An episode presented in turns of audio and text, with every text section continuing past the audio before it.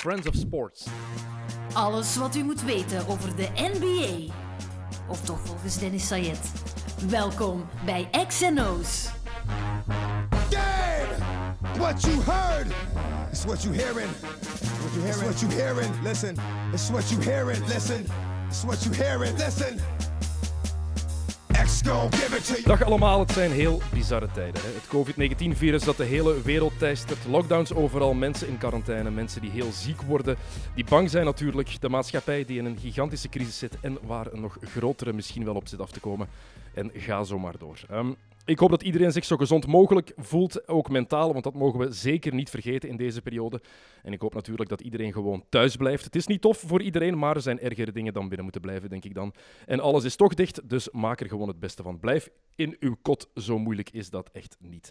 Ehm, het is natuurlijk wel spijtig dat we niet naar sport kunnen kijken, nu we toch de hele tijd opgesloten zitten, maar het geeft ons wel de kans om oude matchen terug te bekijken, oude highlights te checken, boeken te lezen. Ik heb nog een boek of twintig over de NBA waar ik door moet bijvoorbeeld, dus komt perfect uit op dat vlak. Ehm, dingen in te halen waar je anders toch geen tijd voor hebt. Maar geen live sport. Het is wat het is. Uh, de NBA die komt misschien nog terug dit seizoen. In heel wat andere landen zal de competitie niet meer beginnen. In ons land bijvoorbeeld zit het basketbalseizoen er helemaal op. Snelle beslissing van de Pro League en de Bond. En misschien maar goed ook, want wie weet hoe lang dit nog allemaal kan duren. Um, zeker als je kijkt naar hoe alles evolueert in China, dan weet je dat dit niet meteen voorbij is. En dat je een competitie ook niet in 1, 2, 3 weer kan laten beginnen. Dat weet mijn gast van vandaag ook maar al te goed. Wim van de Keren, general manager van de Pro Basketball League. Een hele goede middag, Wim. Welkom bij XNO's. Goedemiddag, Dennis. Uh, hoe lukt het bij jou eigenlijk om binnen te blijven?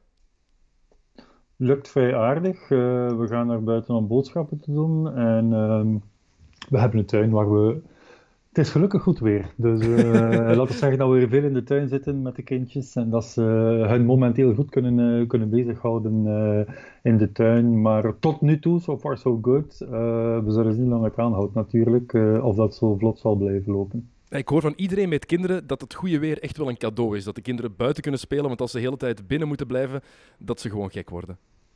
Het is, een, is, het is meegenomen, want uh, het is toch niet zo evident. Uh, de taken van school komen eraan, dus ze zitten inderdaad al veel binnen. En we proberen een schema op te stellen dat elke dag een beetje hetzelfde is, zodat er wat structuur is. Maar moesten ze daarnaast niet naar buiten kunnen, dan, dan zou het inderdaad nog moeilijker zijn uh, dan het nu al is. Om eigenlijk, het is wel een beetje managen, hè, de eigen job nog proberen te blijven doen, zo goed mogelijk. En dan uh, de twee kindjes uh, samen met de echtgenote weliswaar. Maar fijn wat, het is iets anders zoals je zelf zegt. Um, Oké, we gaan het straks nog genoeg hebben over de gevolgen van corona en de maatregelen ook in de NBA. Um, ik wou eerst met iets positiefs beginnen eigenlijk. Ik wou het even hebben over de Benelink, maar er is uh, echt net nieuws binnengekomen. We nemen dit op op, wat is het, dinsdag? Dinsdagmiddag. Um, de Olympische Spelen worden uitgesteld naar 2021. Het is net uh, beslist, er is, een premier tussen de, er is een akkoord tussen de Japanse premier en IOC-voorzitter Bach. Um, dit is goed, slim voor de hele wereld dat ze dat doen. Het is zuur voor bepaalde mensen. En dan denk ik in de eerste plaats aan Anne Wouters. Ja, het is natuurlijk voor haar. Uh, ik zag al een, een, interviewtje dat ze het uh, niet eenvoudig uh, vond om nog een jaar in shape te blijven. Dus ja, verwachten hoe dat zij zich uiteindelijk zal doen. Maar ik kan me inbeelden dat het wel een ontgoocheling is. Ik denk voor alle cats sowieso. Ze zaten op een high na, na het, en een momentum na het toernooi in Oostende. Natuurlijk, zoals jij al zegt, er zijn zeker ergere dingen, uh, maar uh, ja, het, het, is wat het is. Maar sportief gezien, je wist dat Anne ook echt aan het trainen was voor deze Spelen. Tuurlijk. Haar carrière verlengd had eigenlijk om naar Tokio te kunnen gaan, dan zijn ze geplaatst. En dan weet je nu, zeker als je Anne ook had zien spelen, je moet er daar eerlijk over zijn. We hebben Anne meer dan twintig jaar op het hoogste niveau zien spelen ja, het was een beetje zoals bij Dirk Nowitzki in zijn laatste jaren. Je zag gewoon dat het fysiek heel moeilijk werd voor haar. Dat, dat, dat kon iedereen zien. Zelfs als je geen verstand van basketbal had, dan wist je, die heeft pijn aan haar knieën. Dat zie je gewoon. En ik vraag me af of ze dat inderdaad nog eens kan opbrengen. Nog eens een jaar constant blijven trainen. Misschien niet bij een club, zeker met de maatregelen die er nu allemaal zijn. Dit is, dit is helemaal niet eenvoudig, denk ik, voor, uh, voor Anne. En ik vrees er een beetje voor dat ze die spelen volgend jaar gaat halen. Als ik heel eerlijk ben. Ja, het is natuurlijk aan haar om het uit te maken. Ik kan niet vooraan uh, Wouter spreken, maar ik, ik, volg je voor een stuk dat je, dat je, dat je zag natuurlijk de, de, de tand destijds, dat, je, dat ze niet meer op het, uh, het niveau... Dat had ze het moeilijk sowieso. Hè? En dat is enkel en alleen door fysiek uh, dat het minder gaat. plus, je mag ook niet vergeten dat het niveau, vind ik, ook daarbij de laatste jaren, tien jaar, nog enorm gestegen is. en zeker snelheid van uitvoering bij de dames. dus ja, die, die twee samen maken het eh, op dit moment enorm moeilijk voor haar. Eh, we zullen zien. We zullen zien. Ik hoop dat ze het nog kan opbrengen. Ik gun het haar. Misschien in een andere functie. Ehm, ik denk dat ze er sowieso bij moet blijven bij de selectie uh, als, uh, als Anne Wouters zijnde. en dat dat in het, in belang is van de selectie ook. Maar ja, het is afwachten. Ja, ze moet er sowieso bij zijn, inderdaad. Al is het in een andere rol. Ehm, het is gewoon, als je Anne hebt zien spelen in haar gloriedagen, dan zie je gewoon dat verschil te hard. En wat je zelf zegt, het is puur het fysieke. Als het op is, dan is het gewoon vaak ook echt, ook echt op met een lichaam. En zeker als je kijkt het seizoen van een vrouwenbasketbalster die zowel in Europa als in de WNBA speelt. Ik denk dat heel veel mensen onderschatten hoe slopend dat is voor, eh, voor een lichaam. Hoe lang zo'n seizoen ook duurt. Of twee seizoenen eigenlijk in één jaar. Ja, als je, als je sowieso inderdaad als dame, damesbasketballer tegenwoordig zowel NBA, WNBA als Europa wil spelen, dan ben je, ben je zo goed als het volledig jaar bezig. Dus, um, en dan ook nog eens nationale ploeg? En nationale ploeg, dat moet inderdaad zeer slopend zijn. Inderdaad fysiek, maar misschien toch soms over. Ik denk mentaal ook. Ik ben het zelf zeker mentaal ook. Want je moet soms kunnen uh, even eruit gaan. En dat is voor die, die meisjes tegenwoordig inderdaad niet zo evident met die, met die dubbele seizoenen. Ja, oké. Dus laten we zeggen dat ze nu misschien uh, een, een, een, het positieve, als we het uh, positief willen zien, dat ze wel even zullen kunnen de boog lossen dan, wat de Olympische Spelen betreft. Maar aan de andere kant, ik ga ervan uit dat WNBA Um, zal proberen op schema te zitten. Ik heb er nog geen aankondigingen uh, van gezien. Dat zal misschien ook afhangen wat de NBA gaat doen en of dat uh, te combineren valt in de venues. Maar uh, ja, ik, ik, hoop dat ze, dat ze het nog kan opbrengen. Aan de andere kant de beslissing is aan haar. En, inderdaad, ik denk dat ze verstandig genoeg is. Ze is een zeer intelligente dame. Uh, om die beslissing te nemen. En, en, in al haar wijsheid, ik zal het zo zeggen. Maar ik laat het aan haar.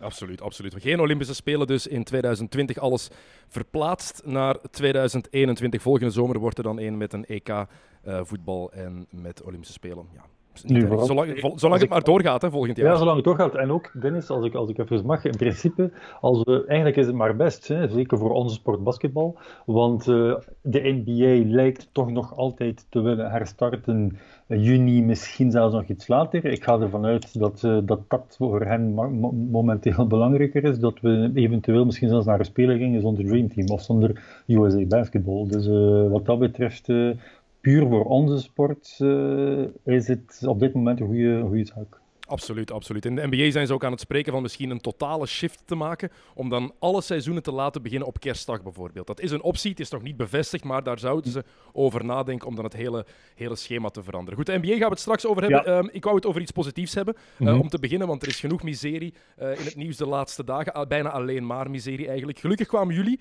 met positief nieuws gisteren. Um, dat... Um, alle clubs uit de Belgische Pro League en alle clubs uit de Dutch Basketball League, dat is de Nederlandse hoogste klasse, unaniem hebben beslist om een volgende stap te zetten richting Benelux. Uh, wat wil dat precies zeggen? Uh, concreet hebben we de laatste drie maanden een, uh, een traject uh, afgelegd onder leiding van een, een, een, Nederlands bedrijf, Hypercube, die, um, laat ons zeggen, de, de, de economische, sportieve um, gevolgen van een mogelijke Benelux in kaart moest brengen op basis van um, analytische data. Um, dus uh, dat uh, eindverslag hebben wij begin deze week ontvangen. En um, nu ja, op basis daarvan hebben we beslist om inderdaad de volgende stap te zetten. Wat houdt dat concreet in? momenteel is de principiële beslissing gevallen van oké, we willen ervoor gaan. Concreet begint het meeste werk nu pas in die zin dat er werkgroepen zullen opgericht worden om uh, alle aspecten die aan een competitie verbonden zijn, uh, partners, media, uh, kalender, reglementen, om die op elkaar te gaan afstemmen. Eerst en vooral gaan kijken wat is er in beide landen en hoe kunnen we beide zo goed mogelijk op elkaar afstemmen om in 21, 22 met die Benelink van start te gaan. Heb je al een idee hoe die er zou moeten uitzien? Of is het nog veel te vroeg om daar al eigenlijk uh, over, te, over te praten? Want er zijn heel wat opties natuurlijk. Hè?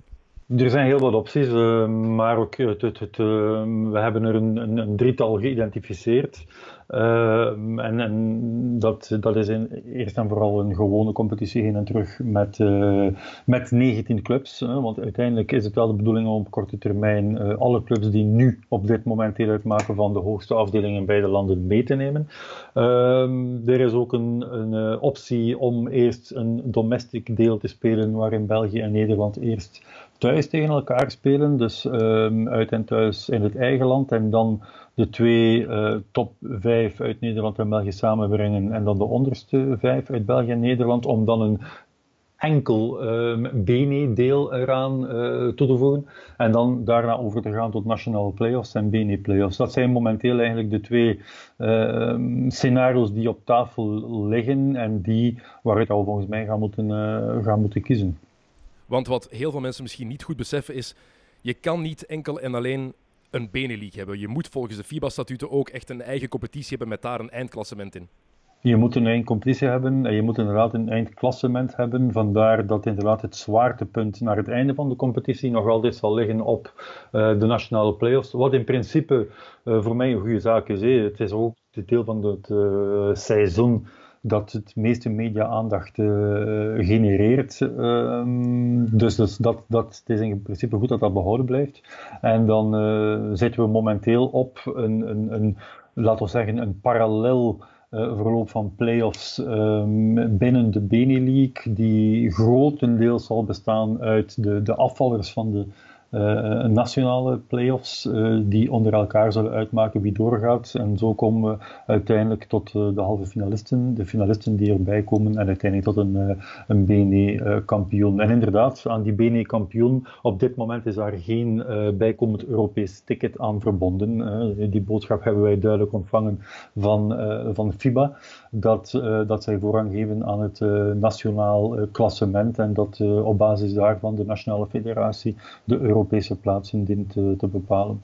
Dus dan is het eigenlijk nog zoeken naar een, naar een extra motivatie voor de clubs om voluit te gaan in die Benelink. Want als ze eigenlijk gewoon in de eigen competitie het zo goed mogelijk doen, dan ja, veel is er sportief nog niet te winnen voor, in zo'n Benelink.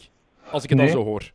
Uh, het hangt van jezelf af. Wij als league bepalen zelf, uh, laten we zeggen, de rangorde van Europese tickets. Voor ons is dat dus de kampioen, eh, die krijgt het hoogste ticket, dan uh, gevolgd door de uh, winnaar van het regular season, die dan gevolgd wordt door de verliezende finalist van de playoffs. En dan gaan we verder het rijtje af van het eindklassement, de tweede, derde en de vierde enzovoort. Dus als wij beslissen als league van oké, okay, die Benelink is voor ons zeer belangrijk, niets, niets weerhoudt ons op dit moment om te zeggen van oké, ons tweede Europees ticket, ik zeg maar iets, uh, voorzien wij voor de BNE-kampioen, indien dat, een, indien dat een Belgische club is. En dat zou betekenen dat je je tweede Europese ticket, dat nu naar de winnaar van het regular season gaat, een rijtje naar beneden gaat. Maar, maar de, de, boodschap van FIBA was in die zin duidelijk. Je kan er een Europees ticket aanhangen, maar het zal moeten binnen het contingent van tickets gaan die je nu zelf hebt. We gaan er geen bijkomend krijgen. Oké, okay, dus dat is eigenlijk de, de, liga zelf die dat dan mee kan bepalen, zeg maar. Wat is eigenlijk de grootste reden voor jou om met die, die Benelink te beginnen? Goh, de, ik denk dat we, wij als league willen naar meer clubs. Hè. Dat is al een aantal jaar dat we het aantal clubs uh, toch willen structureel verhogen. En uh, ja, dan heb je in principe niet veel opties. Hè. Ofwel uh, kijk je naar tweede nationale. Maar ehm, het is mijn elfde seizoen als general manager. En in die elf seizoenen heb ik twee, twee clubs geweten die naar boven gekomen zijn, als Kangaroos en Brussels. Dus, dus daar gaan we de grote hoop niet vinden uh, om, om, om ons contingent clubs uit te breiden. Uh, het zou ook allemaal nogmaals binnen hetzelfde grondgebied zijn van België. Dus dan kijk je vrij snel naar een, naar een Bene-scenario uh, om, om effectief tot een, een bredere pool aan clubs te komen. En natuurlijk wat een bijkomend voordeel is uh, aan zo'n BNE-scenario is dat je gaat naar een markt, een economische markt van um, om en bij de 30 miljoen mensen. Um, en dat je in die zin ook ja, veel breder kunt gaan kijken naar media, naar partners. Uh, er zijn genoeg bedrijven die, die, die in, op BNE-vlak uh, actief zijn. Dus het, laten we zeggen dat, dat zeker dat, dat economische, uh, die economische meerwaarde een, een, belangrijke rol heeft gespeeld ook in de beslissing om, om die volgende stap te zetten. En denk je dat die interesse groter gaat zijn dan ook van, van bedrijven om te investeren in zo'n in zo'n competitie? Daar gaan wij op dit moment van uit. Uh, op basis van, uh, nogmaals op basis van een, een, verslag van een bedrijf dat in principe zijn core business ervan gemaakt heeft om, om op basis van objectieve gegevens uit het verleden uh, te gaan bepalen wat, wat kan er uit de markt gehaald worden. Natuurlijk zitten we niet in zo'n gunstig economisch klimaat en zal dat waarschijnlijk de tweede helft van het jaar er nog niet op vooruit gaan. Dus dat zal natuurlijk de zaken niet vergemakkelijken voor ons om, uh, naar partners te gaan met een, uh, met een nieuw product. Uh, aan de andere kant ehm, kan het ook een opportuniteit zijn voor bedrijven die effectief in beide landen actief zijn en die ehm, nog niet in sport aanwezig zijn of die binnen sport aanwezig zijn, maar, maar zich op een andere sport willen, willen focussen. Um, dus ja, denk ik het. We gaan ervan uit op dit moment. Um, zal het zo zijn? Uh, de proof of the pudding is in the eating natuurlijk. Dat zullen we wanneer, wanneer we effectief uh, uh, de markt opgaan. Maar we, we, maken ons sterk dat we een goed product kunnen hebben. En dat er zeker een vraag en interesse zal zijn van, uh, van commerciële partners en ook van media. Um, de media, dus de recht, onze rechtenhouders althans, hebben zich zeer betrokken getoond in, het, in de studie die we gemaakt hebben, waar we met een aantal stakeholdergroepen een aantal vergaderingen uh, gehad hebben. Dus iedereen is in die zin betrokken geweest. En moet zeggen, de media was vrij uh, duidelijk daarin dat dat, dat dat hen zeker kan interesseren. Maar oké, er zijn nog een aantal zaken die moeten ingevuld worden, zoals uh, de competitieformule als een van de belangrijkste. Um, dus voilà, maar in Nederland op dit moment is basketbal relatief weinig in de media. Dus um, ja, denk ik dat we daar, dat, dat er in Nederland eigenlijk een, een, een grotere um, groeimarge is uh, op korte termijn om uh, stappen vooruit te zetten. Ik denk als je die Benelux bekijkt, dat ga ik er een beetje vanuit dat uh, in het algemeen dan dat um, Nederland um, een groter groeipotentieel heeft, maar dat we samen nog verder kunnen groeien naar, het, naar een groter geheel, dat 1 plus 1 3 kan zijn. Want de vraag is natuurlijk ook of het ons niveau omhoog gaat trekken. Hè? Want het is niet alleen belangrijk voor het commerciële, voor, uh, voor de media, het is ook belangrijk voor het, het spelniveau natuurlijk. En dan twijfel ik soms een beetje. Um, want die Benelink, we hebben er al genoeg over gepraat. Ook. Ik vind het ook een, een goed idee. Um, ik heb er met Sam Rossen bijvoorbeeld ook al over gepraat. Die eerst sprak over een Bene Cup bijvoorbeeld. Dus, alleszins, er zou iets moeten gebeuren. Maar ik vraag me dan af, gaat het ons niveau echt omhoog trekken? Want als we kijken naar de drie slechtste, club van eh, de slechtste ploegen van Nederland, die zijn qua niveau en mogelijkheden minder dan onze minste clubs eigenlijk, op papier ja, toch? dus ik denk dat er, dat er, nogmaals, er is een grotere groeimarge um, en, en de Nederlanders zullen dat eerst moeten realiseren.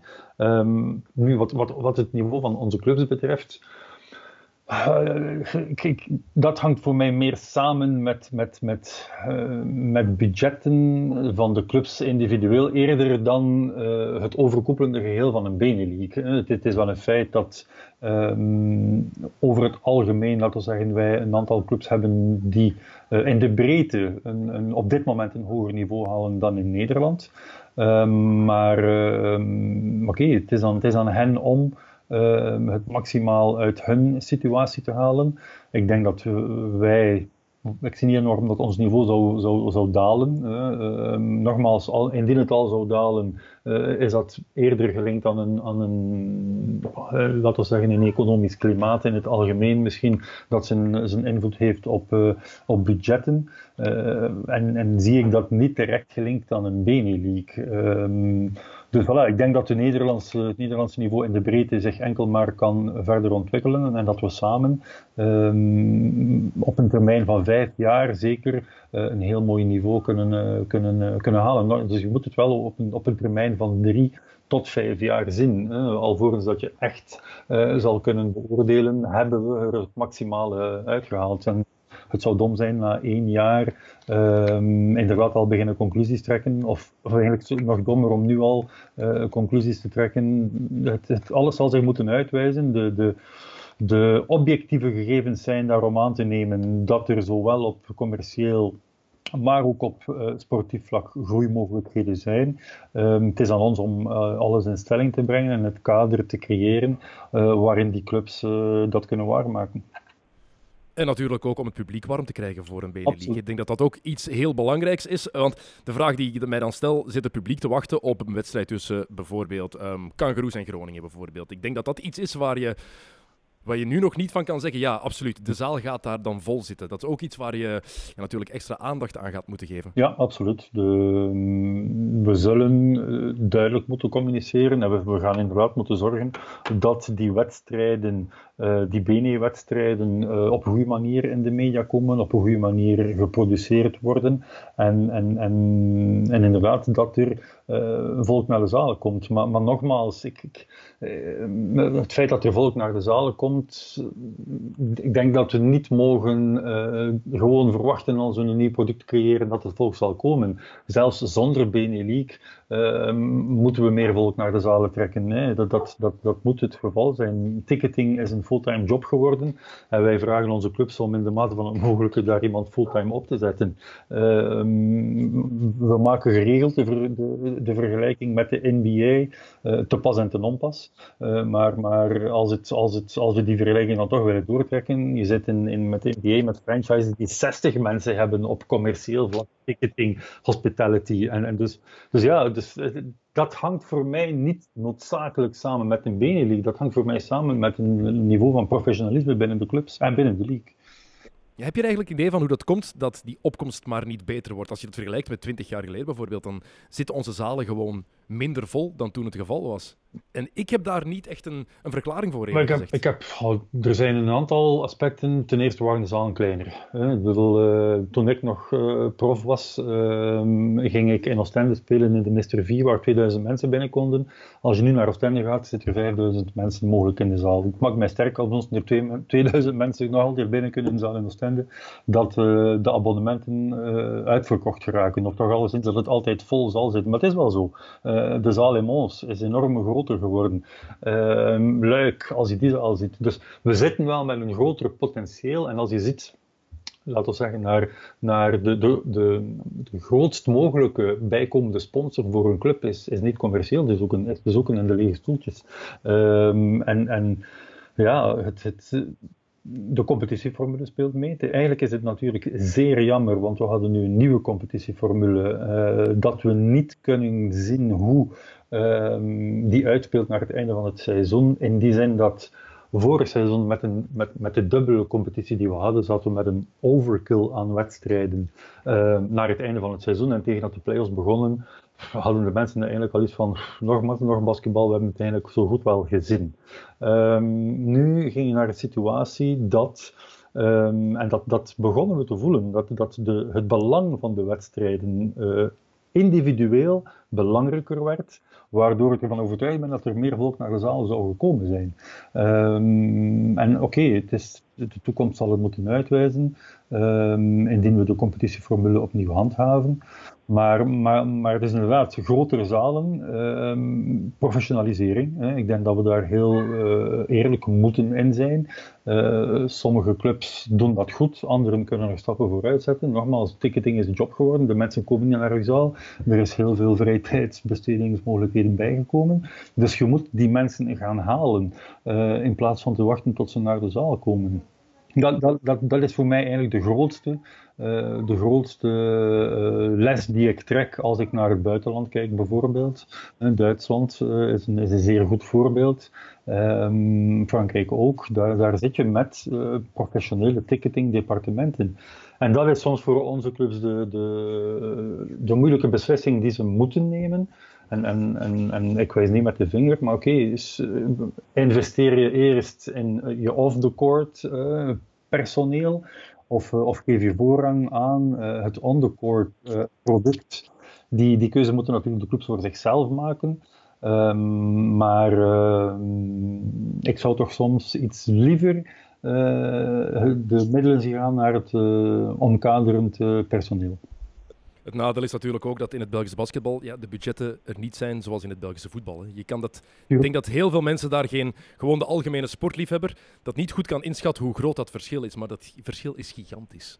Dat verschil is, uh, is immens groot. Hè. De, um, en, en inderdaad, wat, daardoor is het keuzes maken. En uh,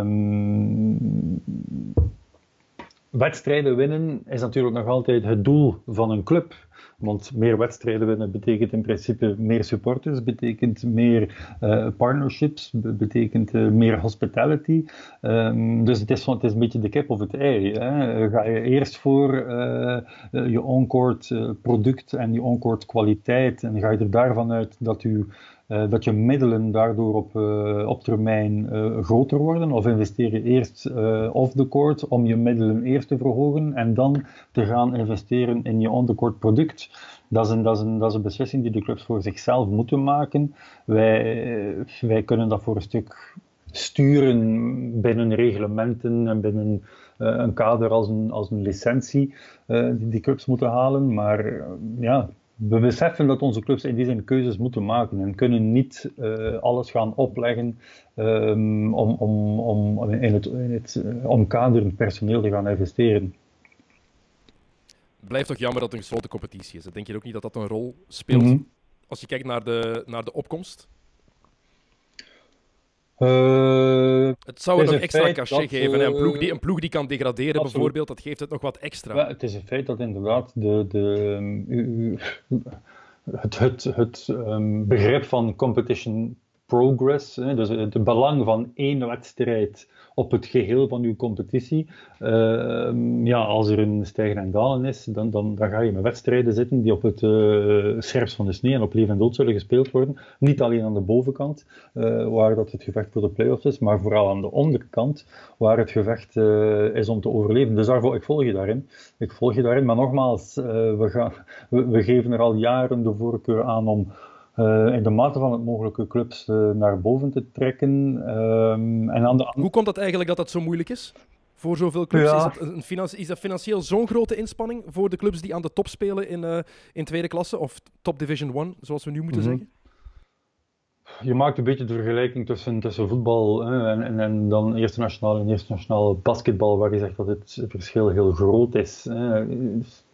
We kunnen dat voor een stuk doortrekken. Het verschil is ook nog heel groot tussen uh, uh, eerste nationale en, en top division men, zoals je zegt.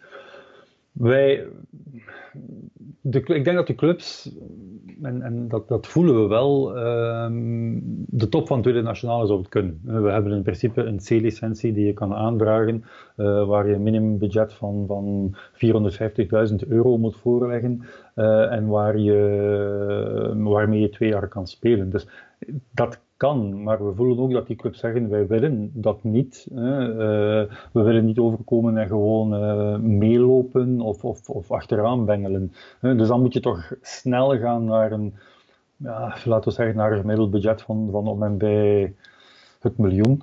Um, ja, en dan, uh, dan is die stap immens groot voor, voor alle clubs uit tweede nationale.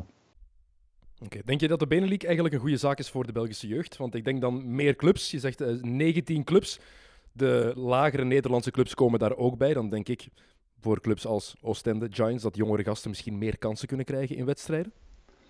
Ik denk dat het ehm, positief kan zijn, ja. Uh, het creëert sowieso ook, een, zoals ik al zei, ook economisch creëren sportief een grotere markt. Hè. Dus ehm, eh, als we ervan uitgaan dat we het niveau kunnen, sportief kunnen omhoog tillen, uh, betekent dat ook dat er meer mogelijkheden zullen zijn voor, voor onze homegrown players.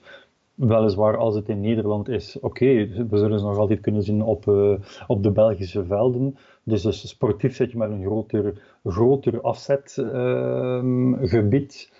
Um, dus ja, ik, ik, maak me sterk dat het voor de Belgische jeugd zeker niet slechter zal zijn. Hè.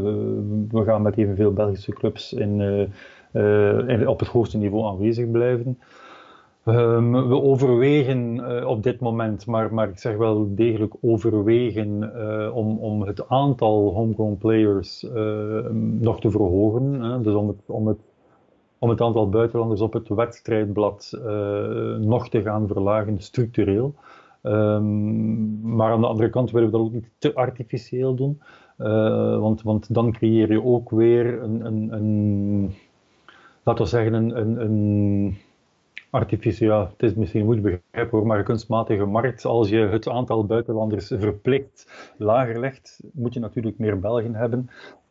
Dus die, waardoor die in principe um, economisch uh, hun, waarde, hun waarde vergroot. En dan, dan, dan is het een kwestie van horen ook van de clubs, uh, is het dan altijd prijskwaliteit. Um, maar goed, dat dat is voor mij secundair. Ik denk dat we moeten zorgen dat er, uh, dat er plaats genoeg is en kansen genoeg zijn voor Belgen, voor jonge Belgen. Um, wat er natuurlijk ook speelt, Dennis, en, en dat, dat, dat zie je ook, is, is, is dat veel Belgen in tweede nationale eigenlijk met gemak eerste nationale zouden aankunnen. Maar, maar oké, doordat die, doordat die, die budgetten, um, laten we zeggen, aan, aan de onderkant uh, in eerste nationale um, het, het, niet toelaten om eigenlijk, laten we zeggen, alle Belgen die ze willen uh, een zeer deftig um, loon uh, te geven, geven veel spelers de voorkeur aan om, om uh, vier maal in de week te trainen in tweede nationale en, en, en, daarnaast een job te hebben. En je kan die jongens dat ook niet kwalijk nemen. Um, maar, maar het is wel, een, het is wel een, een, een bemerking en het is wel een, een vaststelling die wij doen. En waar, waar in principe op dit moment weinig, weinig, uh, waar weinig pas, pasklare oplossingen zie op dit moment. Misschien kort door de bocht, maar is het niet zo simpel als gewoon te zeggen dat de clubs de Belgische spelers meer moeten waarderen en dat ook financieel moeten laten, laten merken dan. Ik zeg, het kan veel te kort door de bocht zijn. Hè? Maar als je mhm. dan zegt van financieel hebben ze meer mogelijkheden in tweede klasse, ze kunnen dat combineren met een job. Dus met andere woorden is dat, is dat financieel nog interessanter. En dan kijk je naar de, de clubs in, uh, in de Euromillions Basketball League. Ja, die investeren natuurlijk vooral in Amerikanen, in buitenlanders, als ze over de grote budgetten spreken. Um, er zijn niet heel veel Belgen die zo'n gigantisch loon hebben in de hoogste afdeling. Er zijn ook gewoon niet veel Belgen die echt een, die meer zijn dan een role player natuurlijk uh, in de hoogste afdeling. Denk je dat dat zou kunnen veranderen als we ze als de clubs hun Belgische spelers ook een andere rol durven geven en wel eens durven investeren en zeggen van kijk, dit is nu echt onze go-to guy, zoals bijvoorbeeld uh, bij de Giants gebeurt met Hans van Wijn, met, uh, met Vincent Kestelot. Je kan dat wel doen natuurlijk. Je kan dat doen. Nu, ik, ik denk dat we ook moeten, toch, toch moeten inderdaad je zegt dat de, de, de, aan de top vooral geïnvesteerd wordt in Amerikanen. Allee, laat ons toch niet vergeten de, de grote investeringen die clubs als Antwerpen en Oostende maken in jeugdopleiding. Uh, ze zitten daar met een zeer performante jeugdopleiding. Het gaat erom inderdaad, kunnen die spelers doorgroeien naar uh, het hoogste niveau. Zij het in Oostende of Antwerpen of zij het bij een andere club. Uh, en als je dat, um, ja, dat is een stuk natuurlijk mentaliteitsshift misschien. Wij kunnen daar als league, um, ik zeg het, we, we denken erover na om, om, om het aantal niet-homegrown players, wat momenteel uh, maximaal zes is, terug te brengen naar vijf. Um, waardoor we, laten we zeggen, meer uh, mogelijkheden de facto al zullen creëren voor, uh, voor Belgen. En, en waar clubs genoodzaakt zullen zijn om ook die Belgen effectief uh, een, een, een, een loon te kunnen geven, waarvan dat zij zeggen, het is, het is voor mij de moeite om, uh, om dat te doen ten opzichte van een, een, een job en een, en een bijbaan in, in Tweede Nationale. Ik zou, ik zou graag zien dat er dan, want je weet inderdaad van heel wat clubs, zeker aan de top, dat die genoeg investeren in hun jeugd. Ehm, je ziet dat in alle jeugdtoernooien, je ziet dat in elke beker van Vlaanderen, in de landelijke reeksen.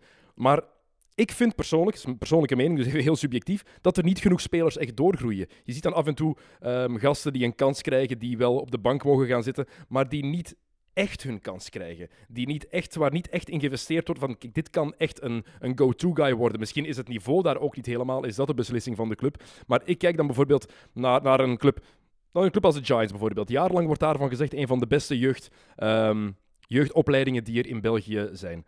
En dan kijk je naar de laatste jaren en de spelers die daar meteen zijn doorgegroeid. Buiten Jean-Marc Wema is daar, zijn daar niet veel jongens die meteen echt bij de eerste ploeg echt hun kans hebben gekregen? Echt hun kans hebben gekregen. Nu natuurlijk wel uh, met Frans Blijenberg, die daar ook effectief uh, mogelijkheden krijgt, die effectief als volwaardige speler wordt aanzien. Maar kijk naar vroeger, kijk naar Domino Brie, die heeft bij Giants nooit echt die kans gekregen.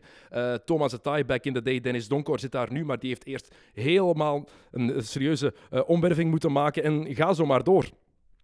En dat, dat, vind, dat vind ik jammer. Ja, je hebt, je hebt natuurlijk, allee, ik denk, Thomas Akiazili heeft voor mij zo'n kans gekregen, door, door Jan Marchand ook. Um, maar, maar let op, het is misschien voor veel clubs, ik geef een voorbeeld, Ajax, uh, die waarschijnlijk van, het is, het is wel voetbal, maar, maar immens veel investeert in uh, een jeugdopleiding. Zij, zij achten het geslaagd indien zij om de twee jaar één speler kunnen afleveren voor, de, voor het... Uh, voor de eerste ploeg.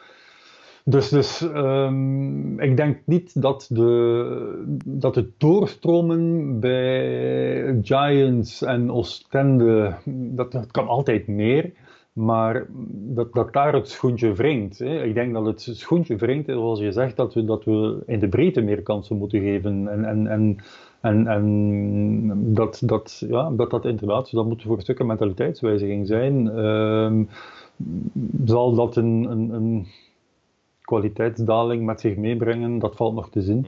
Maar, ik haalde ook eh, maar een club aan als voorbeeld natuurlijk. Het was niet om, ja, om, er specifiek er één uit te pikken. Het enige wat ik gewoon wil, ik wil België op het hoogste niveau zien en ik wil ze graag een rol van betekenis zien spelen. Echt een rol van betekenis en niet altijd gewoon een roleplayer zien zijn. En dat is, hoe mooi was het bijvoorbeeld om een paar jaar geleden Jean Salomou MVP en speler van het jaar te zien worden als absolute go-to guy eigenlijk bij Oostende. Ik vond dat fantastisch.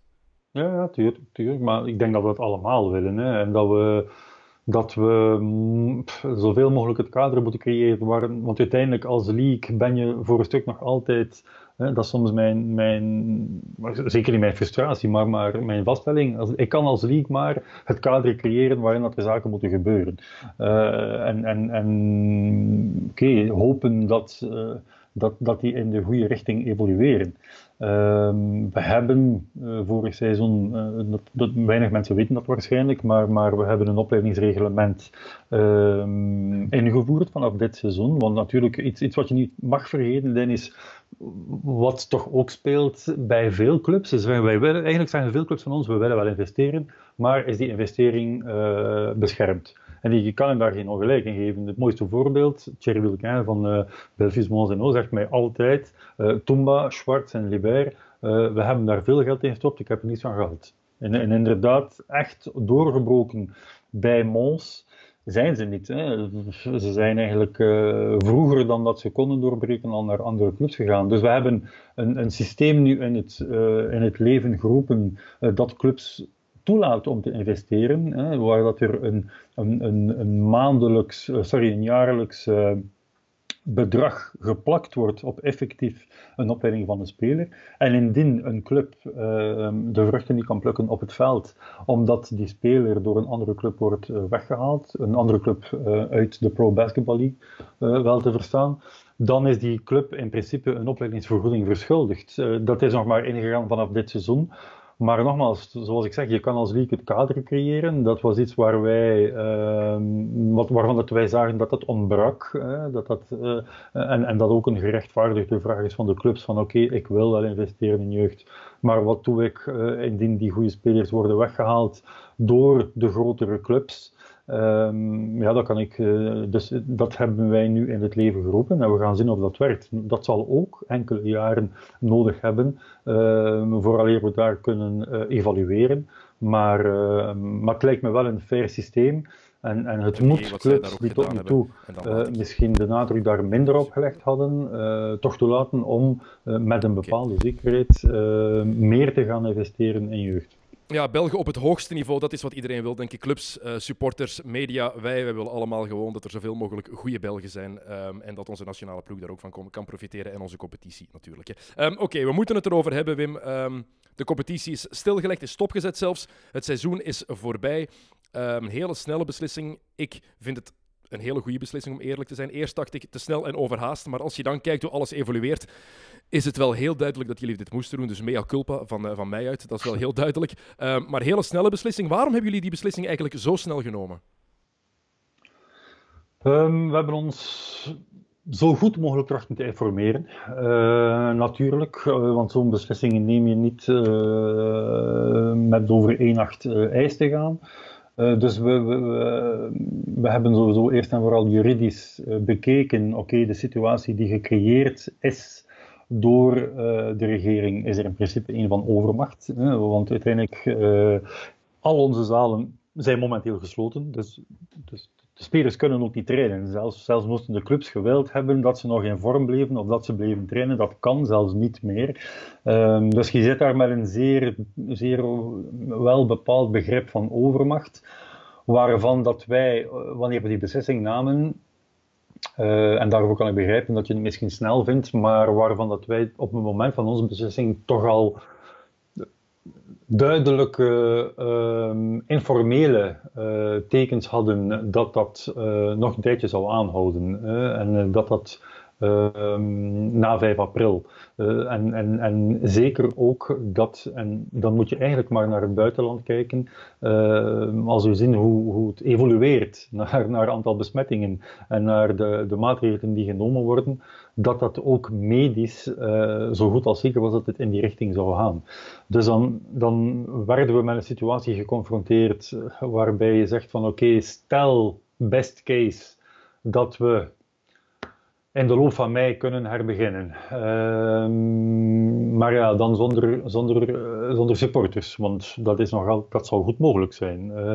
Willen we dat? Ehm, dat is, wij hebben onmiddellijk daar gezegd, nee, dat willen we niet. Hè. Ofwel spelen we zoals het moet uh, voor onze supporters, ofwel uh, spelen we niet. Um, want, want dat is voor onze clubs ook niet echt haalbaar om, om, om uh, laten we zeggen, te, te blijven werken.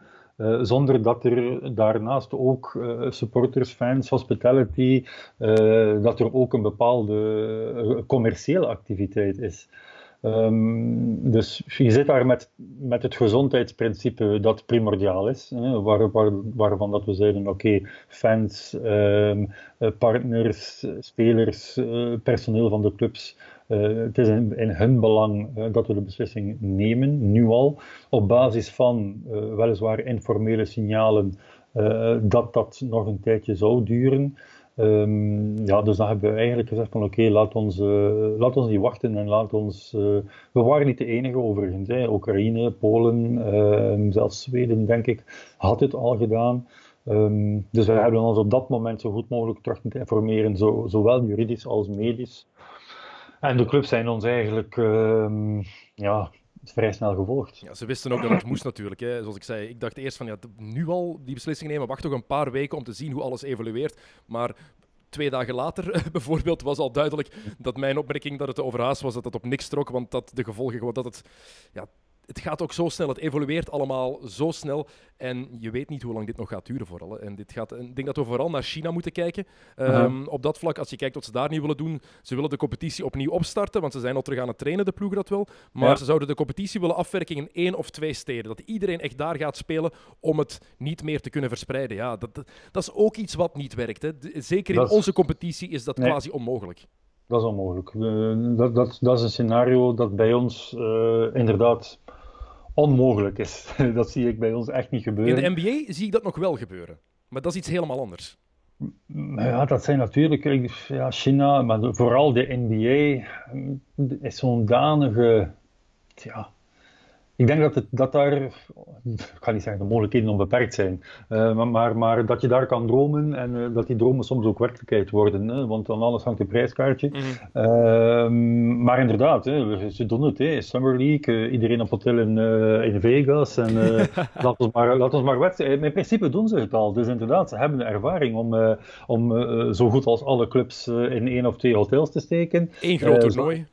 Een groot, een groot toernooi en, en in principe kan je vertrekken. Uh, dus wij hebben die ervaring niet en we hebben de mogelijkheden alleszins, alleszins ook niet. Het zou financieel ook gewoon quasi onmogelijk zijn. Uh, de clubs willen natuurlijk ook nog iets kunnen verdienen aan alles. Tuurlijk. Het enige wat ik echt niet snap, Pim, en ik denk heel veel supporters ook niet, waarom mm. Oostende officieel uitroepen tot kampioen? Um, hadden jullie niet gewoon kunnen zeggen, we gebruiken de eindstand voor de Europese tickets, dus mm. Oostende inderdaad op nummer 1, want dit is wat er gebeurd is, maar geen echte kampioen. Want puur sportief gezien, ik kijk puur naar het sportieve, mm. Is het niet echt fair. Snap je de kritiek daarop? Ik snap de kritiek. Uh, ik snap de kritiek. En uh, ja, de logica die, die de clubs eigenlijk aanhielden was: uh, als we dan toch ehm, het klassement gebruiken om Europese tickets toe te kennen, ehm, moet, er, moet er in die zin ook een kampioen zijn. Dus eh, ik snap de kritiek en ik. ik, ik ik weet niet of ik het nu hetzelfde zou doen, maar uh, het is wat het is. Zwat, um, deze titel van Oostende zal er altijd in blijven waar een asterisk achter blijft staan. En ik denk dat iedereen van Oostende het daar ook wel mee eens zal zijn. Het is een, uh, een uitzonderlijke situatie, dus um, een uitzonderlijke beslissing dan ook maar. Uh, waar je ook veel mensen op ziet reageren trouwens, um, is dat veel sportclubs hun spelers in technische werkloosheid zetten. dat vinden ze dan niet helemaal eerlijk, omdat er dat belastingsvoordeel is, hè, in onder andere basketbal en voetbal. Nu vind ik dat voor basketbal wel helemaal anders dan in voetbal, want je zit met die lagere budgetten, je zit met veel minder mogelijkheden. Maar ik snap wel dat de ik snap die frustratie en die kritiek van heel wat mensen op dat vlak ook wel. Van oké, jullie hebben al een belastingsvoordeel en nu willen jullie dan ook nog eens profiteren van iedereen die wel volle pot betaalt. Dat is natuurlijk vooral gericht naar het voetbal. Ja, ik, ik, ik snap dat, uh, absoluut. Uh, dus uh, inderdaad, laten we zeggen, zeker in voetbal denk ik niet dat, dat, de, dat de spelers en de coaches de boterham, een boterham minder zullen eten. Ehm, aan de andere kant, dat, dat is inderdaad een dossier dat ook al lang speelt, hè, waar wij ook als sport betrokken partij zijn. Inderdaad, omdat er een uh, voordeel is voor, op, op vlak van sociale zekerheid en de, de bijdrage aan sociale zekerheid en op vlak van, van belastingsstelsel. Ehm, nu vergeet niet dat in principe, zelfs als onze clubs dat doen, ze dragen wel bij. Het is, niet dat, het, is, niet dat ze niets bijdragen. En wat dat er op dit moment van economische werkloosheid uit kan gehaald worden, is ook maar in functie van wat er bijgedragen wordt en niet in functie van het effectieve loon. En dat is ook hetzelfde voor het voetbal. Natuurlijk, de, de ik begrijp de perceptie. Um, en ik, en ik, dus ik zeg het nogmaals, ik begrijp het. Um, maar ik volg jou zeker in die zin dat ja, basketbal die lonen al helemaal niet, uh, niet gevolgd worden. Um, en, en, en dat het voor onze clubs een, een, een, een reddingsboei uh, is uh, op, een, op, een, op een zeer moeilijk moment in hun bestaan. Um, en dat ze daarvan gebruik maken, maar nogmaals, uh, enkel maar in de mate dat er ook bijgedragen wordt aan uh, de sociale zekerheid. Dus, uh, dus het is niet dat er meer uitgehaald wordt dan dat er wordt ingestopt. Nog één vraagje over het Belgische basketbal, dan wil ik het kort even over de NBA hebben, want het is en blijft een NBA-podcast en we hebben het er maar mm amper over gehad. Zullen er individuele awards uitgereikt worden dit jaar? Nee. Nee, ook nee. niet gewoon op papier, er wordt geen MVP verkozen, bijvoorbeeld? Nee. Nee, dat, uh, dat gaan we niet doen. Uh, ja, we hebben die. Nee, van, vanuit de league uh, gaan wij geen awards organiseren, ook geen awards show. Um, ik, ik, ik laat momenteel nog in het midden wat, wat het, want uiteindelijk de speler van het jaar is een, is een, is een um, een prijs die al jarenlang hè, door het, uh, het uh, nieuwsblad wordt georganiseerd. Uh, ik, heb, ik heb op dit moment nog geen contact gehad met hen daarover, um, omdat wij sowieso um, als de league op dit moment niet zullen meegaan in het toekennen van awards. Oké, want de eerste keer was in 1959. Het zou de eerste keer zijn sinds 1959 dat er geen speler van het jaar zou zijn te straffen. Zo'n prijs die al zo lang meegaat. Het zijn uh, uitzonderlijke tijden, dat is wel duidelijk. Het zijn uitzonderlijke voilà. tijden. Um, het is en blijft vooral een NBA-podcast, dat zei ik al. Wat vind je eigenlijk van de snelle reactie daar? Want Adam Silver is de eerste Amerikaan met wat macht die iets gedaan heeft. Van alle Amerikanen. Absoluut. Hè, maar het was natuurlijk een uitzonderlijke situatie. Hè, op het feit dat er een, een speler effectief ehm, besmet was. En dan ook de manier waarop hij dat, uh, waarop dat in het nieuws kwam. Ehm, maar ik, ik, denk dat hij niet anders kon. Uh, dat die druk op dat moment zodanig groot moet geweest zijn en dat het, dat het, dat het echt een, een beslissing was van laat ons de schade beperken. Want uiteindelijk, hè, die, die, die mensen waren al met elkaar in contact geweest. Um, maar oké, je moet hem nog altijd nemen. Hè. De, de belangen zijn immens groot. Uh, de, de druk vanuit media om dat niet te doen, ik kan me goed inbeelden dat dat ook groot moet geweest zijn. Toch niet onmiddellijk. Um, maar Adam Silver heeft zich uh, in, in, in, opvolging van uh, David Stern um, heeft zich tot nu toe altijd een, een, een uitstekend commissioner uh, getoond met, met, ja, met, het, met het hart op de juiste plaats, maar ook als businessman. Dus ik, ik, ik, ik, ik juich zijn beslissing toe, en ik, en ik, maar ik bewonder ze ook vooral. Ik vraag me wel af wat er gebeurd zou zijn als Gobert niet ziek was geworden. Want daarom heeft hij, heeft hij positief getest. Ze hebben hem het zijn de autoriteiten van Oklahoma mhm. City die beslist hebben: je moet die test doen, want je bent ziek. Uh, je voelt je ziek, mhm. dus moeten we dat doen. Als dat niet was gebeurd, dan denk ik dat het nog lang had kunnen, kunnen duren bij de NBA. Het is echt puur door die, die eerste positieve test, omdat Rudy Gobert zich ziek voelde en dan die test moest nemen van Oklahoma van de staat Oklahoma dat dit is gebeurd. En het is een, een geluk bij een ongeluk eigenlijk dat, uh, dat Gobert ziek is geworden.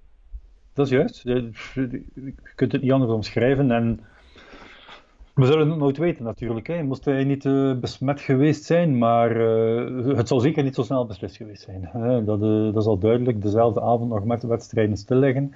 Um... Het was wel een, echt een heel bizarre situatie om dat te zien. Om dan ineens die dokter op het veld te zien lopen en dan alles stilgelegd. En dan overal alles stilgelegd. Het was echt bizar, vooral omdat de supporters effectief al in de zalen waren.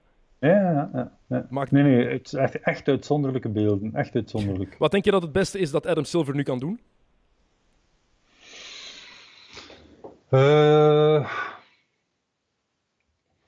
overleggen met al zijn uh, partners eerst en vooral. Uh, zorgen dat hij draagvlak creëert bij hen. en dan zeker bij de mediapartners om Um, op dit moment niet te panikeren en, en, en, en uh, een echt een goede contingency planning uit te werken. Um, en met een, met een proberen met een realistisch alternatief scenario te komen. Natuurlijk, zoals het op dit moment, want zoals u zelf zegt, het, het, het, het wisselt zodanig veel elke dag en het schommelt zodanig veel. Uh, het ziet er niet goed uit in uh, destijds, laat ons eerlijk zijn. Uh, als we zien hoe, hoe ze er momenteel mee omgaan en hoe lang ze gewacht hebben, en het is zelfs nog altijd niet ehm, zoals het zou moeten zijn, omdat, omdat Donald Trump het, toch maar een griepje vond aanvankelijk dan, dan, dan denk ik dat hij op dit moment het beste dat hij kan doen is, is dagelijks overleggen met, met, uh, met, met media, met zijn, met, zijn, uh, met zijn partners, met zijn, met zijn personeel, met zijn, met zijn spelers. Hè. Want uiteindelijk zit je toch in de States ook met een vrij machtige uh, spelersvakbond, die, die zeker ook een, een, een, een ehm, in de pap te brokken heeft. Ik zie dat er al geen lonen gegarandeerd zijn uh, na 1 april, dus ook van die kant zal de, zal de druk groot worden.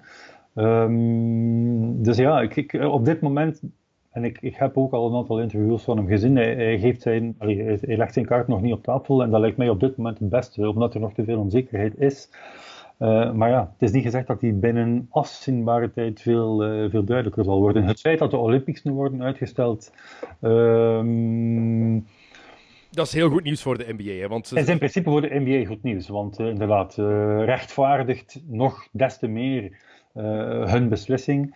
En, en, en, en, laat ook opnieuw meer ruimte om, uh, zelfs nog uh, zonder dat er daar tegenstrijdige belangen zijn, want ik denk dat het grootste mediacontract van de Olympics uh, NBC is, met, met, een, met een ook een NBA-mediapartner, om toch nog dat seizoen in de mate van het mogelijke af te werken. Want dat lijkt toch nog altijd de bedoeling en ik denk dat ze dat toch nog zullen doen. Uh, maar um, ik weet niet of ze alle wedstrijden doorspelen. Nee, sowieso niet, denk ik. Hij moet gewoon geduld hebben. Dat is het belangrijkste nu, denk ik, voor Ja. Adam Silver. Heel geduldig zijn. Want als je kijkt, ja, het gezondheidssysteem in de VS en het eh, sociale systeem is daar al niet fantastisch. Dat is redelijk eh, verbloemd, nog, eh, nog gezegd. Zeker Dat als dat... eh, ja, als je het vergelijkt met hoe wij, hoe wij het hier in België hebben en je ziet dat de ziekenhuizen hier vrezen dat het moeilijk kan worden. Eh, wij zijn hier een van de, van, de, van de beste leerlingen in de klas in Europa, om het dan zo te zeggen, als het gaat over ehm, int- intensive care bedden per 100.000 inwoners. Ja, in Amerika is dat vreselijk. En je hebt dan zoveel daklozen nog eens in de States die nergens naartoe kunnen. Het gaat daar nog zoveel erger worden dan het nu al is. En nog altijd onderschat heel, onderschatten heel wat Amerikanen dat daar. Dat merk je, dat zie je aan heel veel reportages die, eh, die uitgezonden worden. Dat zie je aan hoe heel veel mensen daar ook over praten. Eh, heel wat Amerikanen die ik ken, die snappen de, zien de ernst daar ook nog altijd niet helemaal van in. En dan begin ik zeker voor de NBA te vrezen. Dan denk ik, ja, dit gaat nog heel lang duren. Als wij bij ons voetbal beginnen te denken van nu kunnen we eraan beginnen, dan zijn ze bij de NBA nog niet halfweg, denk ik, in Amerika. Nee, nee, ja, het, is, inderdaad geduld hebben en afwachten. Maar als uw president eh, die boodschap geeft dat het eigenlijk nog altijd zo dringend niet is, ja, dan, dan, dan is het natuurlijk moeilijk om, dat, om, uw, eh, om uw bevolking daarvan eh, te overtuigen. Dan is het, Dus, dan is het eh, onmogelijk. Gelukkig Dan hebben is het onmogelijk. Gelukkig eh, voor de Amerikanen is, dat is, gelukkig, zo bedoel ik dat niet, maar is Tom Hanks ziek geworden. En daarmee bedoel ik, iedereen houdt van Tom Hanks. En daardoor nemen sommige mensen dat nu wat serieuzer. Het is zo belachelijk als het groot is, maar eh, Ja, en gelukkig zitten ze met een confederaal model waar de staten toch wel vrij veel macht hebben. En waar je nu al ziet dat New York en Californië Ja. zelf de beslissing genomen hebben voor de lockdown. Maar in een staat als Texas of Alabama gaat dat wel wat anders zijn in van die heel conservatieve staten, vrees Dat ik. zijn de Bible Belt, hè. Voilà. Dat, Dus- eh, inderdaad. Dat gaat het nog moeilijker maken. Want je zegt nu Californië en New York, ja, twee van de meest progressieve staten die er zijn in de VS. Er moeten er natuurlijk nog altijd 48 volgen. Het gaat nog wel Ja. even duren. En wat jij ook al zei daar straks voor in verband met het Belgisch basketbal, de spelers mogen niet trainen. Hè? De spelers mogen niet samen trainen, enkel wat individueel. Ehm, is dat wel verantwoord dan om ze terug te laten spelen? En dan denk ik terug aan die lockout van 1999, toen het seizoen pas heel laat is begonnen. Mhm. Zoek eens op Sean, mensen thuis, zoek Sean Kemp op 1997, 98 bij, bij Cleveland en zoek Sean Kemp op het jaar daarna. Het is één speler, ik weet het, maar dat is eigenlijk het type voorbeeld van wat er kan gebeuren. Ja, ja, ik weet het. Ik, eh, ik zie de beelden ook nog voor me. Eh, Ja, maar dat is ook mogelijk nu. En dan, dan kan je ook zeggen, dat is ook een beetje sportieve fraude dan voor het seizoen, hè? Ik denk dat, eh, want dat is iets dat wij, wij, wij hebben dat ook besproken. Stel, stel best case, in ons geval dat we, dat we zeggen, oké, we kunnen in mei beginnen. Stel nu nog met publiek. Of al limiet half mei, waardoor dat we eventueel de play-offs nog konden afwerken. Ja, je hebt in principe zeker anderhalve week nodig om, om, om die spelers, allee, om inderdaad opnieuw verantwoord te sporten op het hoogste niveau voor die spelers. Want, want anders zit je met eh, risico op blessures eh, en, en, en, en, en je smeet je je eigen ruiten in. Dus ik, ik, ik, zie, ik zie makkelijk gebeuren dat wanneer het daar her- herneemt, dat ze een trainingcamp van, van 14 dagen zullen eh, organiseren. Ik zie, of toch zeker een week. Want, want Het is ook nodig, eh, Wim? het is sowieso nodig, inderdaad. Fysiek kun je het anders niet. eh, eh, het is nog altijd, eh, inderdaad, ik denk dat die mensen in de mate van het mogelijke individueel wel zullen bezig blijven. Maar ehm, up and down the court, eh, in een 5 tegen 5 situatie, moet je toch in een training eh, doen. Eh, anders, ehm, allee, om, om effectief goed voor te bereiden op, eh, op game situations. Zeker op dat niveau. Ik vraag me ook af, stel je voor dat ze meteen gaan beginnen met de playoffs. Dat is, wordt gezegd, hè, dat meteen de playoffs zouden starten, geen regular season games meer. Ja, die eerste playoff matchen, die gaan op niet veel trekken. Hè. Dat is bedenkelijk gezegd misschien, maar kijk naar het begin van het seizoen. Ploegen moeten altijd even terug wat zoeken. En dat gaat nu ook het geval zijn. Zeker als dit nog, Mhm. nog twee maanden gaat duren. Wat ik persoonlijk denk als je alle berichten hoort. En vooral als je de vergelijking maakt met China. Dat is toch altijd de, het mooiste voorbeeld, denk ik. Of het beste voorbeeld waar we naar kunnen kijken. En dan gaat dit nog wel een week of acht duren. Misschien bij ons zelfs. En dan zeker in, eh, in de Verenigde Staten. Waarschijnlijk nog langer. Dan, dan lijkt het mij eh, quasi, quasi onmogelijk. Ehm, welke ploeg denk je dat het meeste spijt gaat hebben als dit seizoen niet meer doorgaat? Milwaukee, de Lakers of de Clippers? Ik denk Milwaukee. Ja, oké. Ik weet het niet. Ik denk dat. Nu, ze zitten natuurlijk. Is, eh, ligt Antetokounmpo volgend jaar nog aan een contract? Nee, ja, dat is, ze hadden hem deze zomer een, eh, een max-contract aanbieding kunnen geven. Ja, Ehm, voilà. Dus, dus natuurlijk, allee, enkel en alleen dat, dat, dat alleen al is natuurlijk een heel belangrijk aspect Ze kunnen, ze kunnen het waarschijnlijk nog altijd doen, maar het zal inderdaad aan sterk verlaagde. Want ik zie dat de salary cap zeer waarschijnlijk naar beneden zal aangepast worden. Dus uh, voor hetzelfde geld uh, wil Antetokounmpo nog even de, de kat uit de boom kijken. Um, dus puur contractueel op vlak van uh, spelers, alhoewel, laten we zeggen, ja, Anthony Davis kan waarschijnlijk ook... Uh, maar die zal, wel, die zal wel al een deal onder tafel hebben met de Lakers, anders zou die nooit zo hard hebben doorgeduwd, denk ik, om bij LeBron te gaan spelen. Ja, nu, laat, laat, als, stel dat we volgend jaar met dezelfde, met dezelfde ploegen spelen als we nu hebben. Uh, ja, ik zie LeBron wel nog een jaartje op dit niveau verder doen eigenlijk. Als we zien hoe goed hij zich verzorgt en hoe goed hij nog altijd speelt. Maar dat is, het, uh, dat is waarom ik Lakers zou zeggen. Want je zegt inderdaad hoe goed LeBron nu nog speelt. En dat is inderdaad zo. Het lijkt alsof de tijd gewoon geen grip op hem heeft. Maar ooit komt dat. We weten dat allemaal. Het is gewoon onvermijdbaar. En ik denk, hij zal het misschien wel voelen, maar hij verzorgt zich zo goed, spendeert meer dan een miljoen dollar per jaar aan zijn lichaam. Maar ik vraag me af, wanneer gaat dat moment komen dat wij het ook eens gaan zien? Want het is al uniek. 17e seizoen ziet eruit alsof hij 23 is, bij wijze van spreken, als je hem ziet spelen. Ooit mm -hmm. moet dat toch eens keren. Ik hoop van niet. Ik vind het fantastisch om te zien. Hè? Mm -hmm. Maar als je realistisch bent... Ja, nee, maar het uniekste vind ik nog hoe, hij, hoe dat hij zijn rol ook herdefinieerd heeft. Hij speelt bijna meer point guard tegenwoordig dan dat hij small forward speelde. en dat hij vroeger met een, met een point guard naast hem speelde, in, in, in Kyrie Irving bijvoorbeeld, vind ik ongelooflijk. Uh, ja, puur, puur sportief. Misschien wel, maar ik, ik, ik, ik denk Milwaukee zit op een, op, een, op een enorm momentum, vind ik ik weet niet of ze het zullen kunnen aanhouden, maar oké, we, gaan, uh, we zullen moeten zien. De Clippers, die gaan volgens mij volgend jaar beter zijn dan dit seizoen. Dat denk ik ook. Uh, die gaan iets beter gerodeerd zijn. En, uh, dus dus zij, zij gaan... Ik denk dat, het, dat dit eigenlijk nog het grootste meer in, in hun voordeel is. Hè? Omdat dat zij van de drie uh, denk ik de meeste kans hadden op de, op de titel uh, momenteel. Um, dus ja, ik, ik, uh, ik zet mijn kaarten op Milwaukee, die het zal, zich zal beklagen. jij op, op LA. Ja, voilà. Oké, okay, nog één vraag, dan ga ik je laten. zullen we het ooit weten. nog één vraag. Ik hoop dat we inderdaad nog iets te zien krijgen, maar gezondheid boven alles. Nog één laatste vraag. Ik denk dat ik het antwoord al weet. Jordan of LeBron? Welk team ben jij als je moet kiezen? Jordan. Maar ja. Het is generatie? Ja, dat ging ik net zeggen.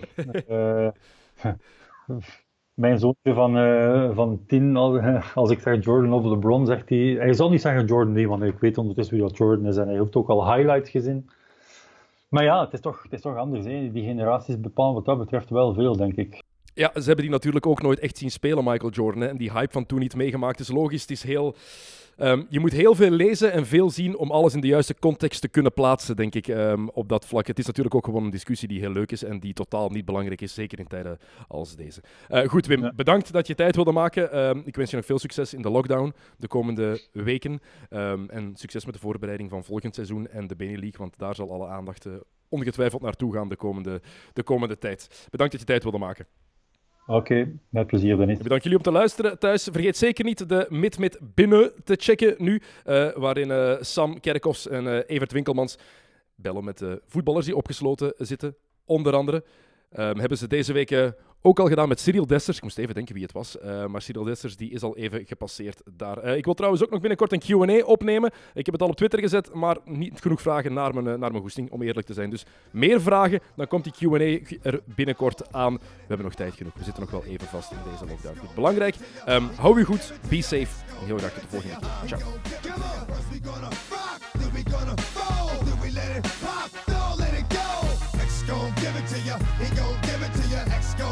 To you. He gon' give it to you.